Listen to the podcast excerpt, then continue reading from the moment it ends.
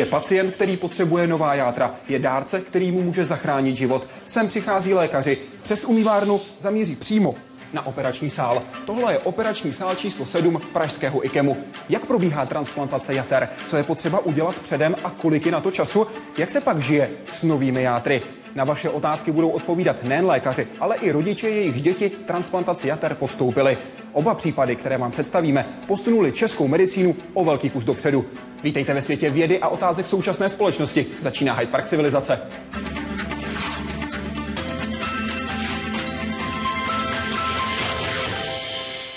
Prvními hosty dnešního speciálního vysílání jsou Libor Janoušek, vedoucí programu transplantace jater u dětí. Dobrý den. Dobrý večer. A spolu s ním také Jiří Froněk, přednosta kliniky transplantační chirurgie. I vám hezký večer. Dobrý večer. A hned na úvod se podívejte, jak probíhala jedna transplantace, kterou lékaři z IKEMu provedli minulý týden. Nenápadné až strohé zvuky, které znamenají jediné. Srdeční puls a s ním i život jsou pryč. Pro současnou medicínu ale smrt jednoho člověka znamená i naději na záchranu několika dalších. Srdce, ledviny, slinivka nebo i plíce můžou sloužit dál, stejně tak játra. V jejich případě téměř každá transplantace začíná smrtí dárce.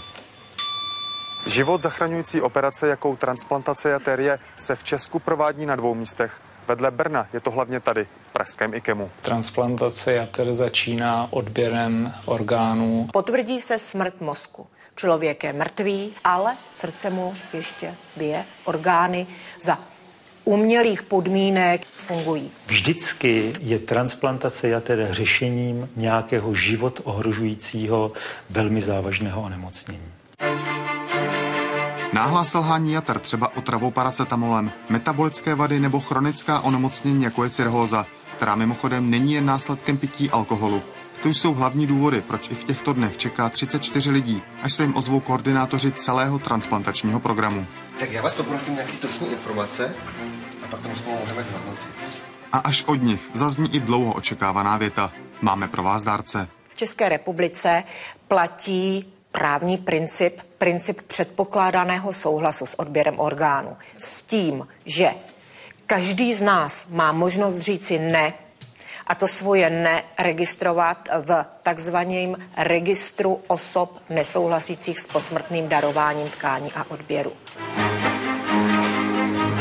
Pro játra a další orgány vyráží odběrový tým a pro budoucího příjemce začnou hodiny posledních příprav. Od první informace o možném dárci do té doby, než se začne orgán játra transplantovat. Průměrná doba bývá kolem 12 hodin. Co pak ale musí být úplně jasné a kde už se nedá cokoliv e, připravovat, jakmile se přeruší ten krevní oběh u toho dárce. Tam už počítáme ty minuty. V tomto konkrétním případě probíhá transplantace u 39-leté ženy. Úspěšným chirurgickým zákrokem ale pro pacienta vše teprve začíná.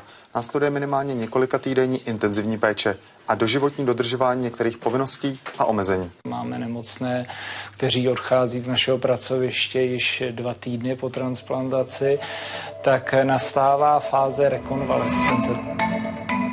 Při ní si pacient začíná zvykat na nový rytmus pečlivé hlídání toho, co jí a hlavně na pravidelné a doživotní užívání léků. Ty zajistí, že jeho tělo darovaný orgán neodvrhne. Takzvaná imunosupresiva navíc mají řadu nežádoucích vedlejších účinků, takže pravidelné a doživotní jsou i návštěvy lékařů. Ta kvalita života po transplantaci je velmi vysoká. Ona je mnohem lepší, než si člověk dovede vlastně představit. Krásným příkladem toho jsou naši pacienti, kteří velmi aktivně sportují. V současné době eh, se s jedním nemocným připravuje na výstup na Mont Ventoux, což je vrchol Tour de France, kam jede e, přes 200 lidí po transplantaci na kole. A i po takto náročném zákroku je možné mířit výš. Máme tam pacienty, kteří jsou schopni běhat maratonský běh. Ve světě je běžné, že pacienti po transplantaci mohou vyhrát i olympijskou medaili. A hlavně mít rodinu. Bez fungujících jater člověk nepřežije ani pár dní. Devět z deseti transplantovaných žije i rok poté. Skoro tři čtvrtiny i deset let a víc. A že je možné takový život žít naplno, dokazuje třeba fotbalista Erik Abidel.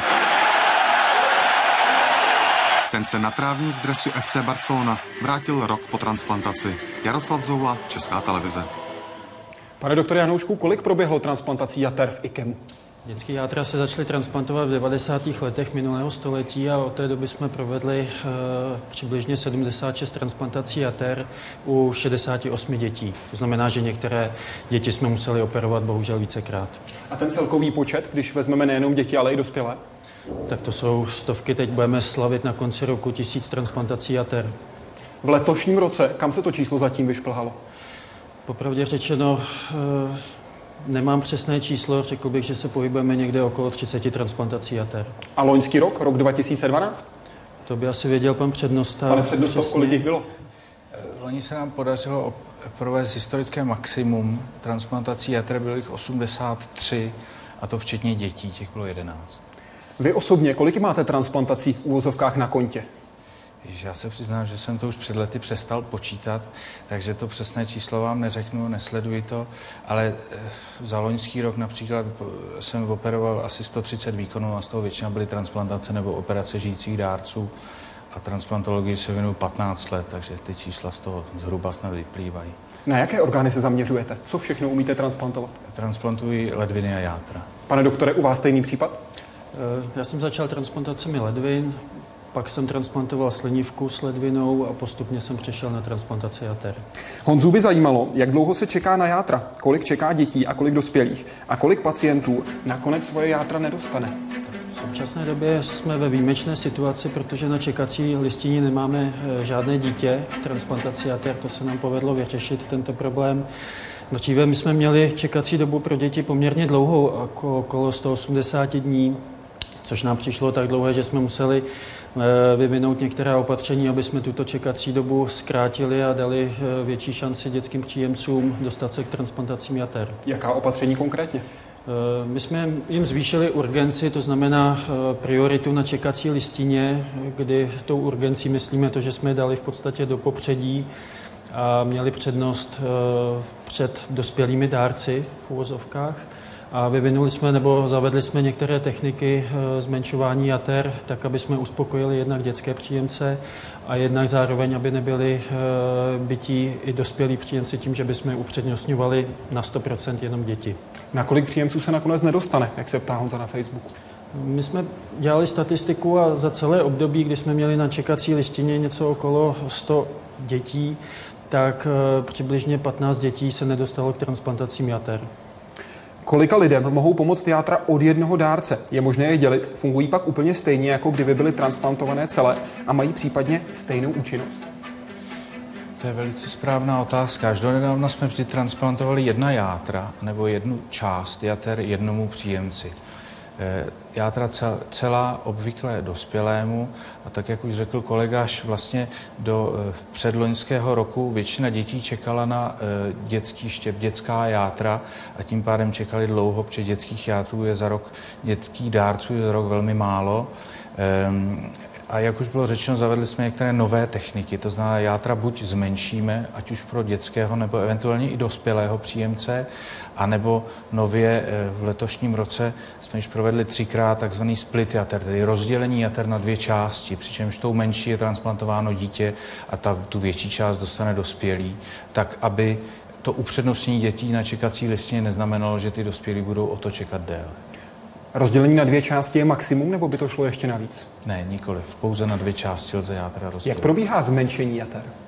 Zmenšení jater probíhá tak, že podle eh, váhy toho příjemce my spočítáme, jaký objem těch jater musí dostat na to, aby svou funkcí pokryly jeho potřeby po transplantaci. A potom podle anatomických struktur e, chirurgickou technikou takzvané resekce odstraníme tu část, která je navíc a tak, aby zbyla ta část, která bude transplantována samozřejmě v adekvátní kvalitě. To rozdělení je o to složitější, že pokud v případě té redukce tu jednu část vyhodíme, tady musíme použít obě. To znamená, obě ty části jater musí být v takové kvalitě a mít všechny struktury, které spojujeme, připojujeme u toho příjemce v takové délce a kvalitě, aby bylo možné provést ty obě transplantace a aby obě byly úspěšné.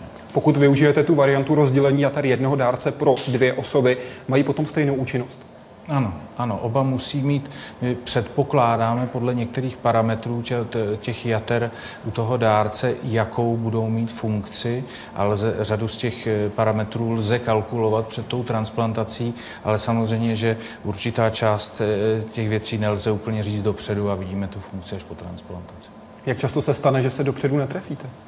Eh, to se stát eh, nemá a mm, naštěstí se to stává výjimečně, znamená to takzvanou nefunkci toho štěpu jaterního, ale to nemusí vůbec souviset s dělením jater nebo jejich zmenšováním. To se může stát i u transplantace jater celých, prostě ta jatra nefungují z řady důvodů po transplantaci a, a mm, v řadě těchto případů, stává se to výjimečně, se to vůbec nedá říct dopředu. Je to překvapení pro celý ten tým. V tuhle chvíli, jaké je pak řešení takové situace? Musí se znovu transplantovat nová játra, nebo se to dá ještě potom zpětně vyřešit? Ne, v, případě, v takovémto případě lze jedině transplantovat znovu a to pokud možno co nejrychleji. Právě na tým, který jste zmínil, se ptá Karolína na Facebooku, kterou by zajímalo, kolik lidí transplantaci provádí. Jsou to vždy dva týmy najednou? Moc děkuji za vaši práci. Tak e, transplantace jater, jak již bylo řečeno v předchozí reportáži, probíhá vlastně ve dvou fázích. My musíme získat štěp, to znamená jeden tým, jeden na odběr jater, to je pět lidí v podstatě, kteří se pohybují kolem toho pacienta plus organizační tým, takže může to obsahovat až desítky lidí, když to spočítáme dohromady. A ten tým přiveze nová játra eh, k nám na operační sál a my zároveň spouštíme teda vlastní transplantaci jater tím, že odstraňujeme ty nemocná játra. A druhý tým vlastně navazuje na tento odběr samotnou transplantací jater. Kolik je tu lidí dohromady? Dohromady, já bych řekl 15-20 lidí, že klidně to může být. Jaké jsou ty hlavní specializace, bez kterých to nejde? Chirurgie, anestezie, instrumentační sestra, koordinátorka. koordinátorky, uh, sanitáři, střední ošetřovatelský personál na pooperační péči. Opravdu je to velmi, velmi komplexní záležitost a Eh, o příjemce jater pečuje několik odborností medicínských. My jsme teď na operačním sále číslo 7. Kolik se tady pohybuje lidí během samotné operace? Pět až deset lidí tady může klidně být. A tohle jsou nástroje, které používají. Pane Froňku, o co konkrétně jde? Co je to za nástroje? To jsou nástroje, které používáme e, při transplantaci je to vlastně škála nástrojů, které všechny můžeme teoreticky potřebovat.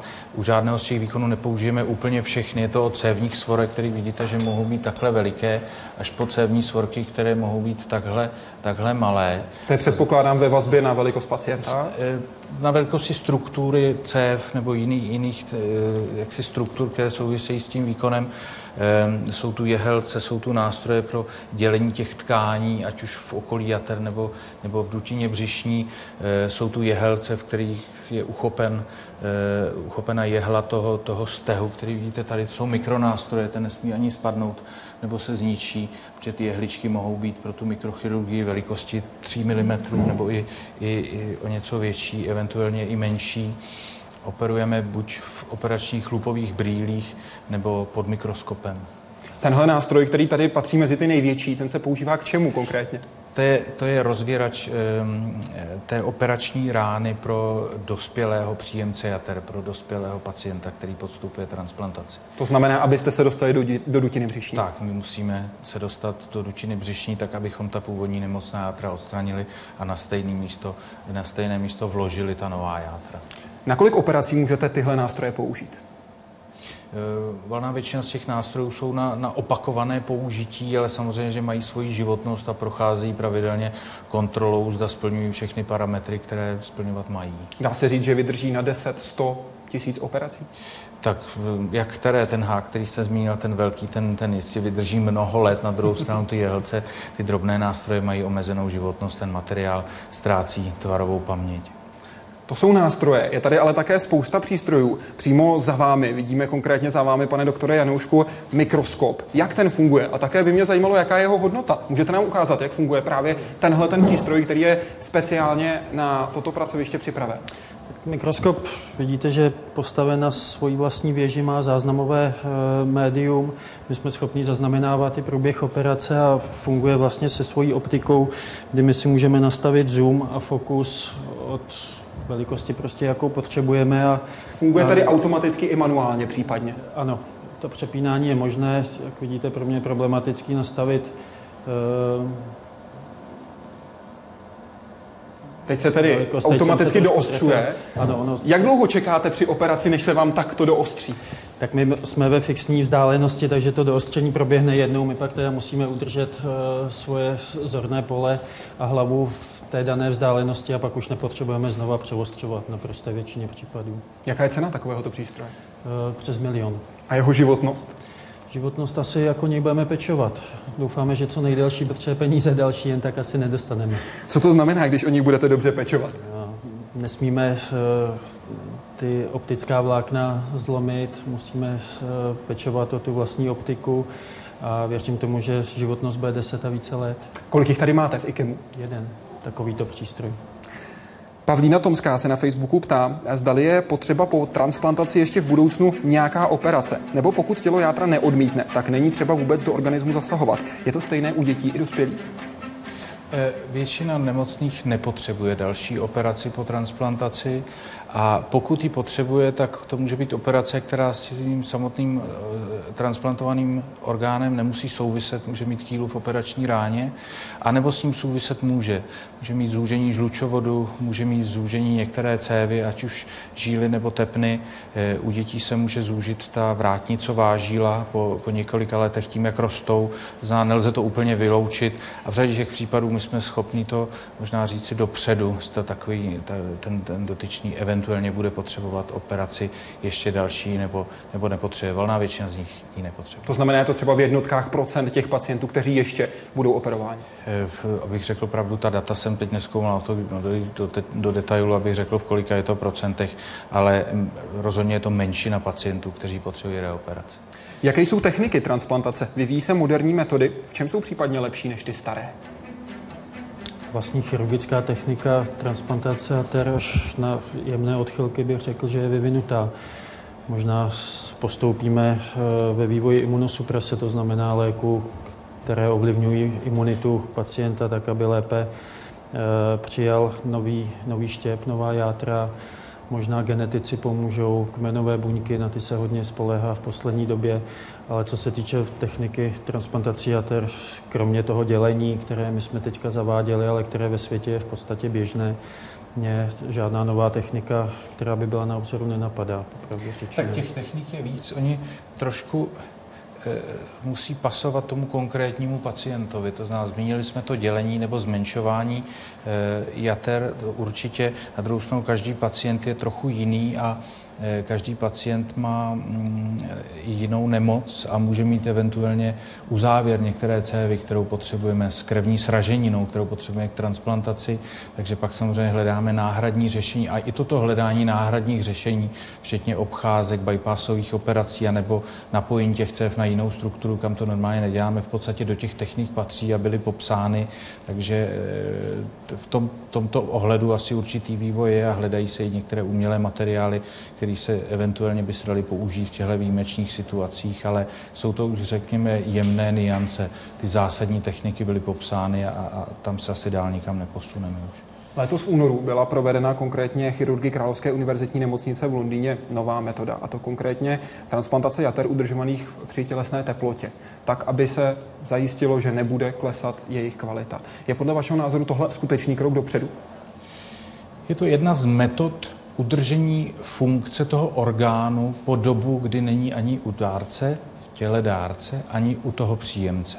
Tato doba, kdy je orgán mimo tělo, mimo organismus, je pro každý ten orgán nebezpečná a znamená určité riziko pro toho pacienta a my chceme, aby ty, ať už je to jakýkoliv orgán, včetně jater, byl v co nejlepší kondici. A posledních několik let se otevírá diskuze právě na téma, zda to schlazení orgánu a udržování orgánu v tom studeném konzervačním roztoku je vlastně tou nejlepší metodou. To se používalo několik desítek let a je posledních několik let se toto stále častěji e, rozebírá. Zdá se, že aspoň pro některé typy orgánů by možná bylo výhodnější, kdyby byly skladovány při normální tělní teplotě a ty techniky a roztoky k tomu užité se samozřejmě začínají rozvíjet a rozvíjet. Uvažujete o tom i tady v IKEMu, že byste se vydali touto cestou alespoň pro některé pacienty? Eh, to bychom velmi rádi o tom minimálně začali uvažovat, ale je to všechno ve finále otázka financí a toho projektu.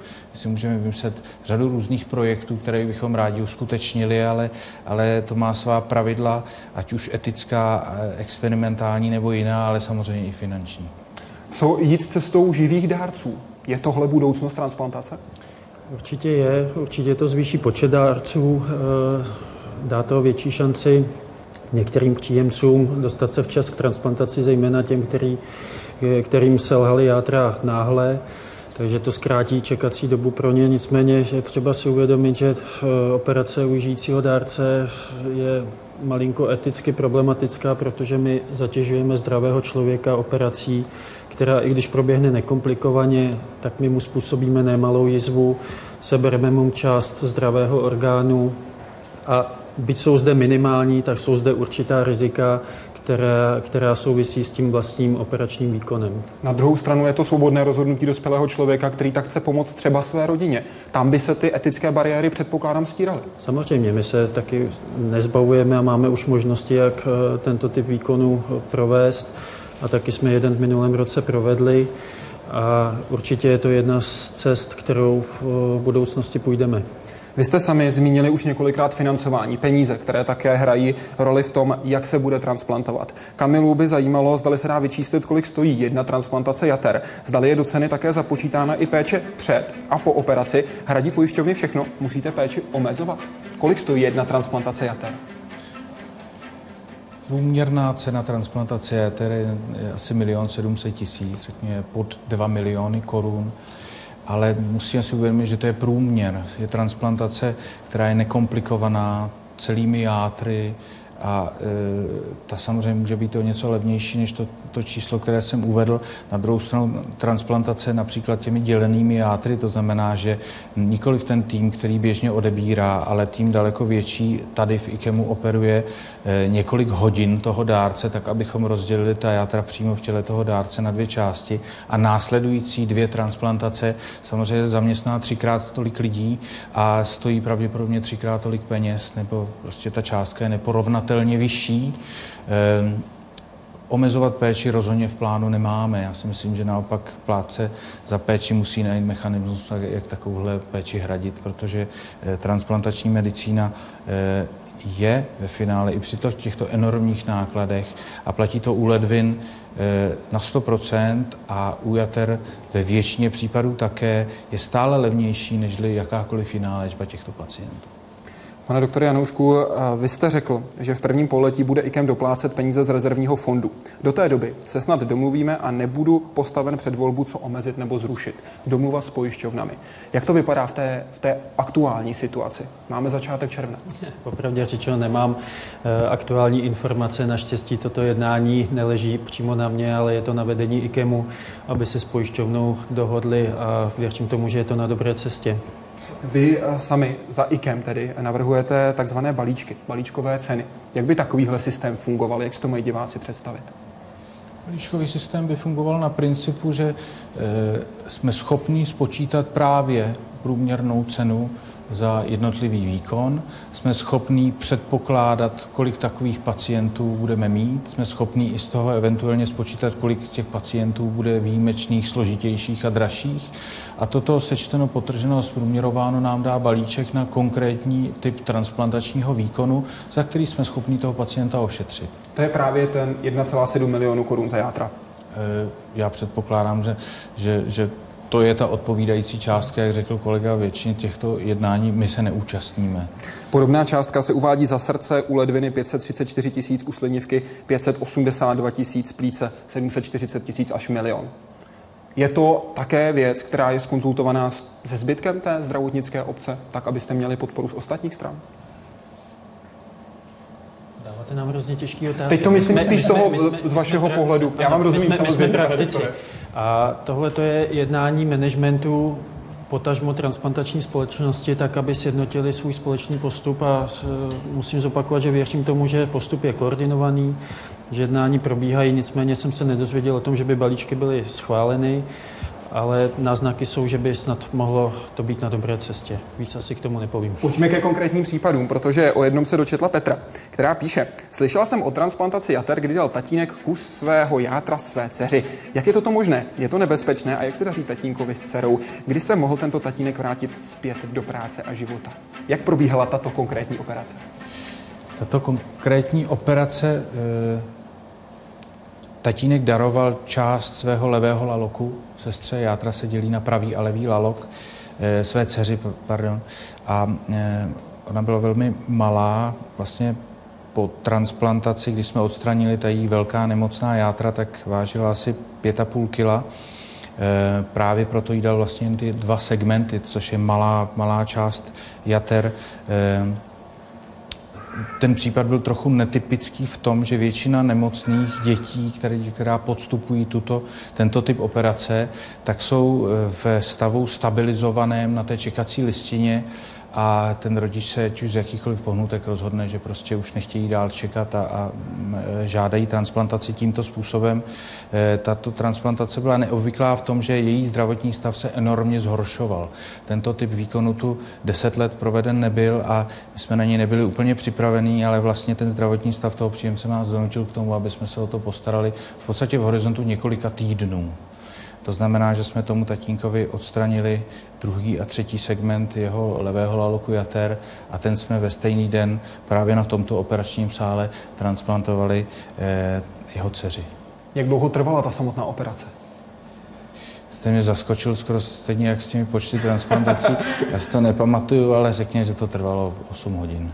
Když se teď podíváte zpětně, proběhlo to podle plánu? Všechno fungovalo tak, jak mělo? Proběhlo to podle plánu. Eh, my ne vždycky úplně eh, víme dopředu eh, přesně, anatomické struktury a jejich kvalitu a délku, které nás čekají. Takže část toho výkonu, ať už u dárce nebo příjemce, je svým způsobem překvapením, kterému my se musíme přizpůsobit, ať už u toho dárce nebo příjemce. Takže, takže to se samozřejmě konalo i v tomto případě, ale to k tomu výkonu patří a, a jsou to situace, které prostě musíme vyřešit. A, a jiná situace, nebo jiná varianta ani nepřipadá v úvahu. Já budu přát, pánové, aby pokud vás něco překvapí, aby to bylo překvapení pouze příjemné. Mnohokrát děkuji, že jste byli hosty Hyde Parku Civilizace. Držím palce do další práce. Děkuji. Děkujeme. My zůstaneme u tohoto případu, který jsme teď zmínili. Podíváme se na ně ale z úplně jiného úhlu pohledu, protože já teď mířím z operačního sálu číslo 7 do takzvané dospávky a jdeme právě za rodinou, o které teď byla řeč, za mužem, který daroval část svých jater svojí dceři. Jsou tady všichni, celá rodina, všichni Boudovi. Přeji vám dobrý večer. Dobrý večer. A spolu s nimi také matka prvního chlapce, který byl transplantován, když ještě neměl ani 5 kg, paní Daniela Senzová. I vám hezký večer. Dobrý večer. Pane Bůdo, jak vám se daří? Na to se ptali také diváci. Tak mně se daří dobře. V podstatě bez nějakých omezení můžu dělat všechno. Rána se hojila velmi dobře, nebyly žádné komplikace, takže v podstatě dneska úplně normálně, jako kdyby žádná operace nebyla. Anička vypadá velmi spokojeně. Je spokojená takhle vždycky? Uh, Anička od té doby, co byla odtransplantovaná, se velmi změnila. Uh, stalo se z ní velmi veselé dítě. Jak dlouho jste čekali na dárce? Respektive čekali jste, jestli se dárce objeví? Anička byla uh, zařazena na transplantační listinu koncem května a čekali jsme v podstatě do té doby, než proběhla transplantace, což bylo 19. prosince.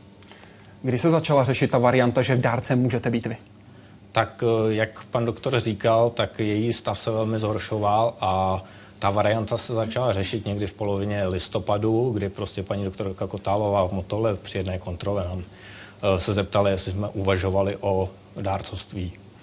Eh, žena nebyla vhodná darování, tak jsme řešili to, jestli já ano nebo ne.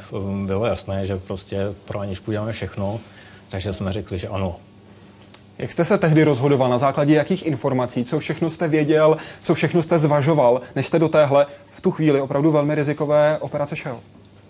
Tak eh, k tomu zvažování toho moc nebylo. Dítě vám umírá a vy v podstatě se snažíte mu pomoct. Takže jsme se domluvili tady v IKEMu, proběhla nějaká vyšetření, která byla nutná k tomu, jestli jsem vhoden nebo nejsem. To, že jsme kompatibilní, co se krevní skupiny týče, neznamená nic. Je potřeba ten orgán vyšetřit, zjistit, jestli je to proveditelné a naštěstí všechno proveditelné bylo. Jak sám byste se potom osobně připravoval na, na tu samotnou operaci? Protože na jedné straně byl určitě strach o Aničku, na druhou stranu byl tam nějaký strach váš?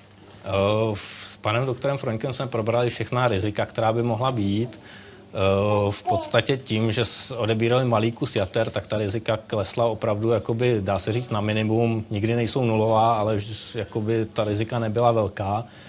A v podstatě já jsem se nepřipravoval nijak. Jo, jenom jsme prostě zařídili spoustu věcí, kdyby náhodou operace nevyšla a čekali jsme, jak to dopadne. S námi je tady také paní Boudová. Vy sama připouštila jste si, že by se ta operace nemusela povést. Samozřejmě, že připouštila. Jak jste to zvládala psychicky, kdy ke strachu o Aničku přibyl ještě možná strach o manžela? No, je to velice těžké. Dlou, dlouho, dlouho mi to trvalo, než jsem se smířila s tím, že půjdu oba na sál, ale pro dítě uděláte cokoliv. Co potom samotná operace, jak jsme slyšeli, 8 hodin, to je hodně dlouhá doba. 8 hodin jeden, my jsme tady čekali skoro 12 hodin. Byla Kdy jste se dozvěděla potom, že už je všechno v pořádku, že opravdu všechno vyšlo, jak pro manžela, tak pro dceru? Uh, manžela přivezli o několik hodin dříve, my jsme tam čekali dlouho u něj, ale uh, až když malou přivezli ze sálu na jednotku intenzivní péče, jak teprve jsem věděla, jako uh, hlavně úsměv. Ona se smála, což, což bylo úplně nejlepší, co jsem mohla vidět. Pamatujete si, co bylo první, co vám manžel tehdy řekl? Co malá? Jak na to malá? Co jste mu odpověděl? Že dobře. Platí to stále? No samozřejmě. Budeme moc držet palce, aby to platilo už na věky věku, aby se vám celé rodině dobře dařilo. Spolu s námi je tady také eh, paní Daniela Senzová a maminka Františka. Jak se daří Františkovi? Taky dobře. František byl jak dlouho na čekací listině, než se našel vhodný dárce? František byl na čekací listině cirka čtyři měsíce. Ze začátku nebyl aktivní, protože se potýkal s infekcemi, které neumožňovaly mm, e, eventuálně transplantaci provést. No a potom se to dalo nějak dokupy, takže, takže ty čtyři měsíce, jak jsem řekla. No. Kolik tehdy bylo Františkovi? Františkovi bylo 8 měsíců. A dnes? 6 let. A celou dobu bez problémů žije dál? Ano. Jak jste prožívala tu dobu, kdy jste čekala na dárce? Přičemž vy už jste věděla, že jsou tady problémy, ty problémy se kupily, objevovaly se další a další. Co v té době bylo pro vás opravdu to nejtěžší? Když se podíváte teď vysloveně jenom zpětně tím pohledem na toho půl roku, když jste měla doma nemocného syna a zvažovala jste všechny varianty. Na jedné straně čekala, věděla, že ta transplantace by měla pomoct. Na druhé straně viděla, že teď má nějaké problémy, že s ním musíte do nemocnice, že musíte řešit tohle, tohle a tamhle, to, že toho bylo opravdu hodně. Když se teď podíváte zpětně, bylo pro vás nejtěžší právě to čekání, ta no, nejistota? Ano, ano, to čekání, ta nejistota, přesně tak. Opravdu vidíte, jak vám dítě den o den, den se zhoršuje. A nezbývá než čekat. Opravdu ten rodič je s tím dítětem v nemocnici a věříte a čekáte. A, Kdy zazvonil ten správný telefon? Člověk propláče. správný telefon zazvonil 16. září 2007 v neděli ve dvě hodiny odpoledne. Co se dělo pak v těch následujících hodinách? Um, František se začal připravovat k převozu do IKEMu. Eh, přijel za náma pan doktor Janoušek, kterou jsem viděla prvně tenkrát. Takhle si Frantovi změřil břicho, asi věděl, jak velký to bude. Odjeli pro jaterní štěp a e, na sál jsme Františka v IKEMu předali v 23.59. Takže za minutu 12.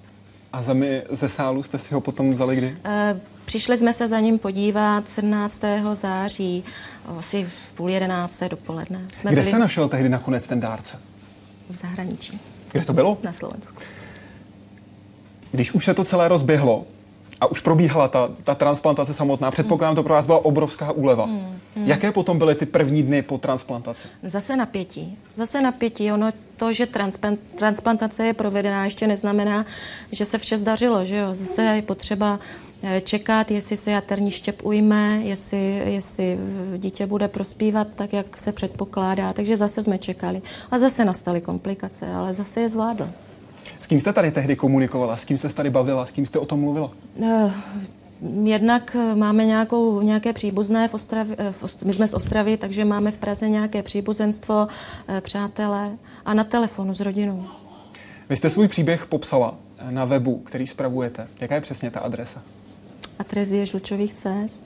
Tam je popsán ten váš příběh velmi zajímavou formou, kdy vy jste... Ano, já jsem, já jsem vlastně použila takovou metodu, že jsem to vypsala v bodech, eh, vybrala jsem ty nejzajímavější věty, které se mi zdály být zajímavé a uh, psala jsem to jako formou mailu, které jsem psala přátelům.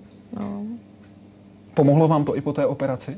Že jste to takhle ze sebe dostala? Celé Eh, To vypisování, to určitě. vypisování. určitě. Doporučila Pro mě to? osobně je hrozně důležité sdílet ty starosti. Vy teď sdílíte starosti s ostatními maminkami, které jsou v podobné situaci. Pokud mají rodiče zájem, obzvláště maminka se nějaká ozve, tak velice ráda. Jak to probíhá, jak to funguje?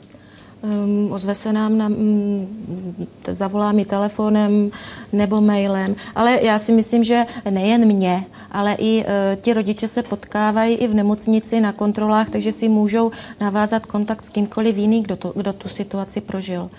A uh, pokud ty maminky chtějí, nebo tatínkové, tak uh, já si myslím, že to pomáhá. Že Vy jste se znali už dopředu, nebo jste se dnes viděli poprvé? Eh, My jsme se znali po, mi- po mailech, po telefonech, ale dnes jsme se viděli poprvé in natura. naživo. Jaký byl ten první moment, kdy jste se seznámili? Jaký byl ten motiv toho seznámení? Kdo koho oslovil? My jsme se po, víceméně skontaktovali zase ještě přes další maminku, jo? čili ta komunita trošku funguje. Jo? Drží pohromadě tedy komunita Ale řekla bych, že transplantovaných. ano. Mm, mm, drží. Když se spojujete právě s maminkami, které vám zavolají se svým problémem, jaký problém to nejčastěji je? Co nejčastěji pomáháte Eh, řešit? Většinou, většinou už je eh, dítě, jakoby řekněme, v akutní fázi nemoci, takže ta, eh, ten rodič asi chce vědět, jaké je to po transplantaci, jak to dítě prospívá, co může, co nemůže, kdy začne chodit do školky, jestli kolik léků, takové prostě záležitosti, co se týče, co se, které se týkají toho života po. Já jsem se od jedné pracovnice IKEMu dozvěděl, že jste, a teď cituji, doplňuje lékaře o takovou lidskou, maminkovskou stránku věci. S tím byste souhlasila? Nevím, děkuji. Pane Boudovi, byste souhlasil s takovouhle definicí? ano. Co byste poradila jako tu hlavní věc, když se někdo připravuje na transplantaci ja- ja- jater u jejího syna nebo dcery? Na co, co hlavně dělat? I když se to strašně těžce radí, to pr- opravdu kdo neprožije, tak, tak nepochopí, ale eh, nestrácet hlavu, nestrácet víru, naději, věřit. A taky podle mého je hrozně důležité dát eh, důvěru těm lékařům a dát jim vědět, že jim věříte. Dát jim to najevo. Nepanikařit a, a, a vydržet. Jak jste si dodávala tu sílu vy? Já nevím. Já nevím, no tak A poté, když už je po transplantaci, co radíte nejčastěji? Co je to nejdůležitější? Vypsat se z toho, vypovídat, nebo se zaměřit na nějaké i další aktivity? Co radíte? a záleží asi na povaze toho těch rodičů. U vás to bylo jak? Komu- já prostě potřebuju s lidmi komunikovat a, a, a taky pochopit správně tu nemoc. Ano, To se vám evidentně daří. Ano. Pomáháte nejenom svojí rodině, ale také celé řadě dalších rodin. Já moc děkuji, že jste tady dnes byli s námi, hosty Hyde Parku Civilizace. Přeji a u vás to dvojnásob. Není jenom fráze pevné zdraví. Ať se vám všem dobře daří. Děkujeme. Tohle jsou konkrétní příběhy těch, kteří prošli transplantací jater, případně jejich děti prošly transplantací jater. Těch příběhů je samozřejmě celá řada a začínají nejenom tady v IKEMu, ale také ve fakultní nemocnici Motol, kterou tady dnes zastupuje paní Radana Kotalová. Dobrý den. Dobrý den. A právě z IKEMu míří děti do Tomajerovy nemocnice. Za tu je tady dnes Martin Prchlík, pan primář. Dobrý večer. Když se podíváte na tyhle ty konkrétní příběhy, co to ve vás vyvolává? No, vzpomínky na to, jak jsem to s nima proží, prožívala před eh, transplantací a tu velkou radost, jak jsou děti teď, eh, teď pěkný. Jste s nimi stále v kontaktu? No, já je sleduji v eh, ambulanci, takže za mnou dojíždějí na, na kontroly, což je tak příjemná stránka té věci. Začněme teď na tom začátku. Jak se vybírají ta správná játra? To by totiž zajímalo Marka, který se ptá na webu. Ptá se, co všechno se sleduje a zdali musí být schoda úplná. Pokud ne, jak moc roste riziko? Eh, Transplantuje se na schodné eh, krevní skupiny a pak je důležitá velikost eh, toho orgánu. To jsou takové dvě, dva základní předpoklady. Dá se říct celá rámcově, jaká je tam tolerance, o kolika, dejme tomu, o jaké, o jaké velikosti se bavíme, jaká je tam možnost?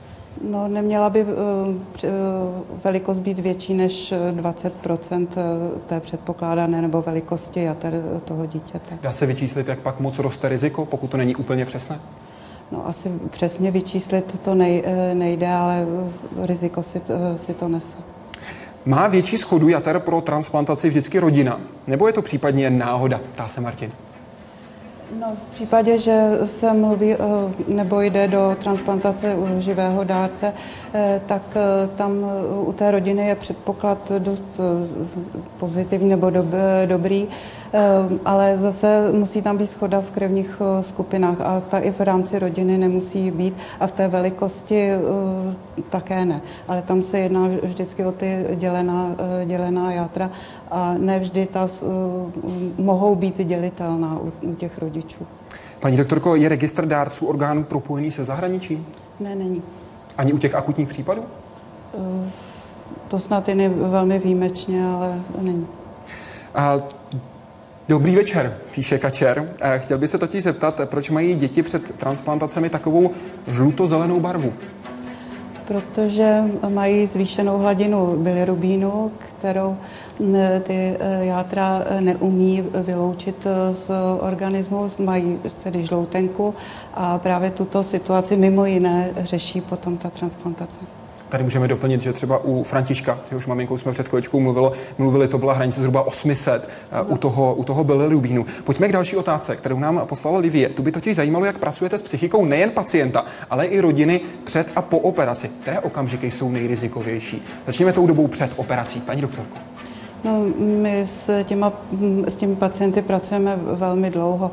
E, do e, motela obvykle přicházejí e, jako novorozenci nebo malí kojenci, kdy diagnostikujeme závažné onemocnění.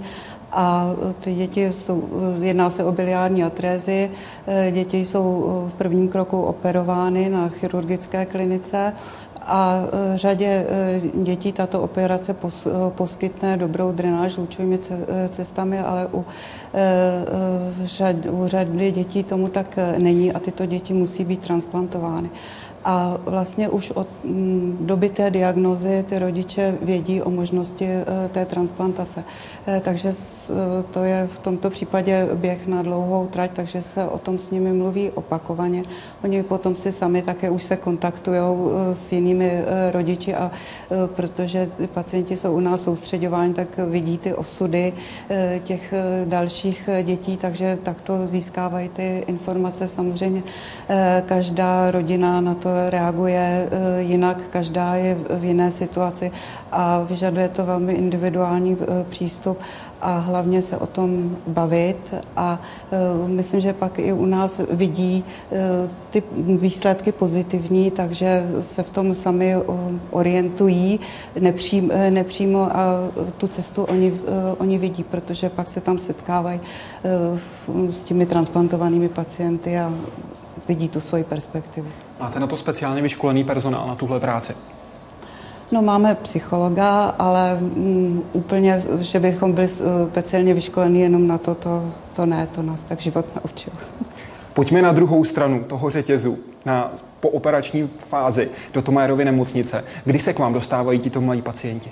Nám se dostávají vlastně po té transplantaci, to znamená ve chvíli, kdy je vyřešen ten akutní stav tím operačním výkonem a těch bezprostředních eventuálně komplikací a to právě asi hraje i roli potom v tom dalším průběhu náhledu těch rodičů na to, protože to je ten okamžik, ke kterému se většina těch rodičů upíná a vidí to vlastně jako spásné. No. Samozřejmě my máme největší problémy psychické v tom smyslu, že jsou překvapeni, že tou operací to všechno nekončí, že i běžný průběh, který sebou nese řadu běžných komplikací, může zatěžovat ten organismus. A je to dlouhodobá záležitost, běh na dlouhou trať a ve chvíli, kdy se kupí komplikace závažnější, tak samozřejmě na tohle to nejsou vždycky úplně připraveni, i když samozřejmě dopředu eh, jsou informováni, že k tomu to může dojít. Jak jim pak pomáháte s takovouto situací? Předpokládám, že to je tedy ten nejrizikovější moment. Eh, je nutný samozřejmě, je to vždycky, tak jak říká paní doktorka, otázka komunikace, je to otázka důvěry mezi lékařem a eh, rodiči v tomto případě, protože důvěru toho dítěte si získáte celkem dobře. Není dobré i ty malé pacienty podceňovat, protože ty děti všechno velmi dobře chápou, i když třeba neumí ještě mluvit. Takže to je velmi důležitý, čili tady ten styk hlavně se sesterským personálem, který je vlastně 24 hodinový v jednom kuse, je velmi důležitý působit na tu rodinu, že to, co se teď děje, neznamená nic konečného, že právě upozornit na to, že nejdůležitější je ten konečný výsledek, který nebude za 14 dní, za 3 neděle, za měsíc, ale za rok, za dva, za 15 let, až uvidí, že teda to jejich dítě vlastně dostalo do výjimku možnost přežít a přežít do kvalitního života. Pane primáři, jak si získáváte dětského pacienta? Dětského pacienta si nejlépe získáte tím, že mu nebudete nic namlouvat, což si někdy rodiče a dospělí lidé myslí, že je ošálíte tím, že mu slíbíte, že tam matka bude 24 hodin a podobně, tak to rozhodně nikdy není tohleto dobrý dělat. Vždycky je dobrý tomu dítěti všechno vysvětlit a říct mu to přesně na rovinu. I když si třeba můžeme myslet, že věkově tomu ještě nerozumí, tak to není pravda. Za jak dlouho mohou jít děti po transplantaci domů a za jak dlouho do normálního dětského kolektivu? Tak eh, od nás odchází děti z intenzivní péče prakticky, to znamená do ambulantní péče, kdy ještě hrozdíly nebo mají nějaké ještě třeba zdrény, stenty, tak ještě zůstávají eh, v péči našeho oddělení. Vysvětlete prosím drény, stenty.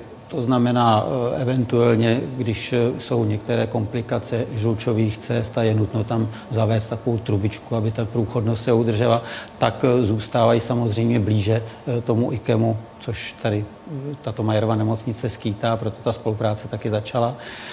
A řekl bych, že nejkratší doba, kdy ty děti po té transplantaci mohou odejít, jsou tak tři neděle, ale bohužel některé děti, u kterých se ten průběh po operační komplikuje, tak e, tam stráví 6 měsíců i více. A ten průměr dá se odhadnout?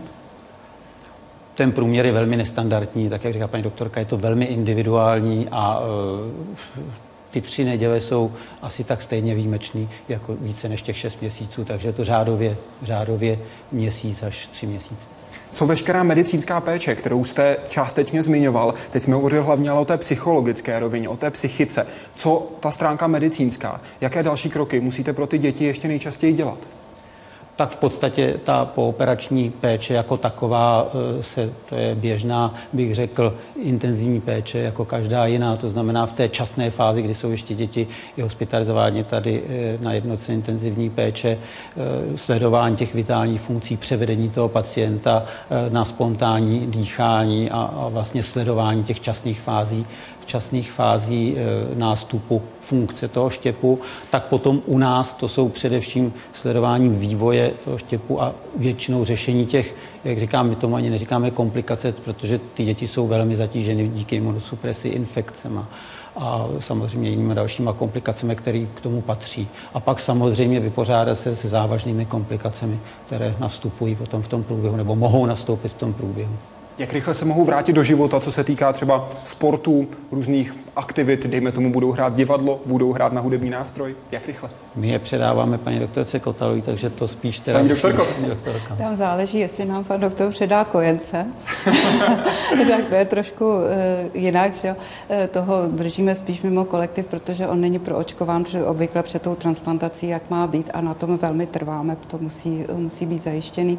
Ale když, jaké očkování tedy? Řádné očkování uh, a plus mají nadstandardní uh, očkování proti uh, neštovicím uh, a proti uh, pneumo pneumokokům, eh, proti eh, meningitidě a klíšťové encefalitidě. To, co lze proočkovat, tak eh, je s výhodou, když to dítě má a to u těch kojenců před transplantací většinou nes, nestihneme, takže na to je kladen veliký důraz a i tak malé děti obvykle do kolektivu nechodí, ale snaha je, aby třeba už jako tříleté do té školky jít mohlo. Rodiče obvykle ale s dítětem transplantovaným zůstávají delší dobu doma. No pokud je to školák, tak ten mm, pak, když získá tu chuť do života, tak eh, nevím, jestli zrovna on nebo rodiče ho do té školy jako směřu, eh, směřují, No a tam snaží takový 4-6 měsíců. Samozřejmě je to určité riziko zase kontaktu s těmi infekcemi, takže je taková dohoda, že když v té třídě je nějaký infekt, že to dítě tam v těch prvních měsících eh, nejde. No a začnou sportovat a vést běžný, eh, běžný život. Oni se od zdravých dětí prakticky eh, neliší. Jak by ale... se k ním měly chovat právě ty zdravé děti v okamžiku, kdy přijde, dejme tomu, do kolektivu páté třídy základní školy, přijde Petr, který je po transplantaci jater, jak by se k němu měla chovat Anička, Martin a Honza? No, dítě tam přijde s rouškou, aby nechytl od něj eh, infekci, tak by asi bylo na spolužákovi máli rýmu, aby k němu moc, eh, moc nechodil, ale myslím si, že jinak větší ohledy nepotřebuje, musel by ho zrovna bouchat do břicha a práce s ním a asi víc, víc nepotřebuje takový správný spolužácký přístup. Václava by zajímalo, kolik let uplynulo od první transplantace? Jak lze vyhodnotit pooperační statistiky komplikací? Pane primáři. Tak eh, od první transplantace dětského pacienta v roce 95, ale byla to 16-letá dívka a pod eh, vlastně mladší eh, první transplantace v roce 98, takže víte, že ten program je dlouhodobý, eh, ty začátky samozřejmě skýtaly mnoho komplikací a časem jsme se až přesunuli k těm úplně malým dětím po těch 10 kg, které dneska vlastně tvoří velkou převážnou část těch pacientů transplantovaných. Takže to je, co se týká tý, té délky. A pardon, ta druhá část té otázky? Ta druhá část otázky se týkala toho, zda lze vyhodnotit po operační statistiky komplikací. Když pominu ty komplikace, o kterých jsem mluvil, to znamená hlavně infekce, ty jsou samozřejmě nejčastější a s těmi se potýká s běžnými infekcemi prakticky každý pacient po té transplantaci se dá říct, ale to jsou opravdu běžné. Pak jsou to ty život ohrožující infekce, především virové, tak tam si myslím, že to je v běžných počtech. Eh, následují potom vlastní komplikace po transplantacích. Tam na tom prvním místě jsou biliární komplikace, kde se eh, ty statistiky neliší od celosvětového průměru. To znamená? To znamená řádově kolem 20%, to znamená jedno dítě z pěti.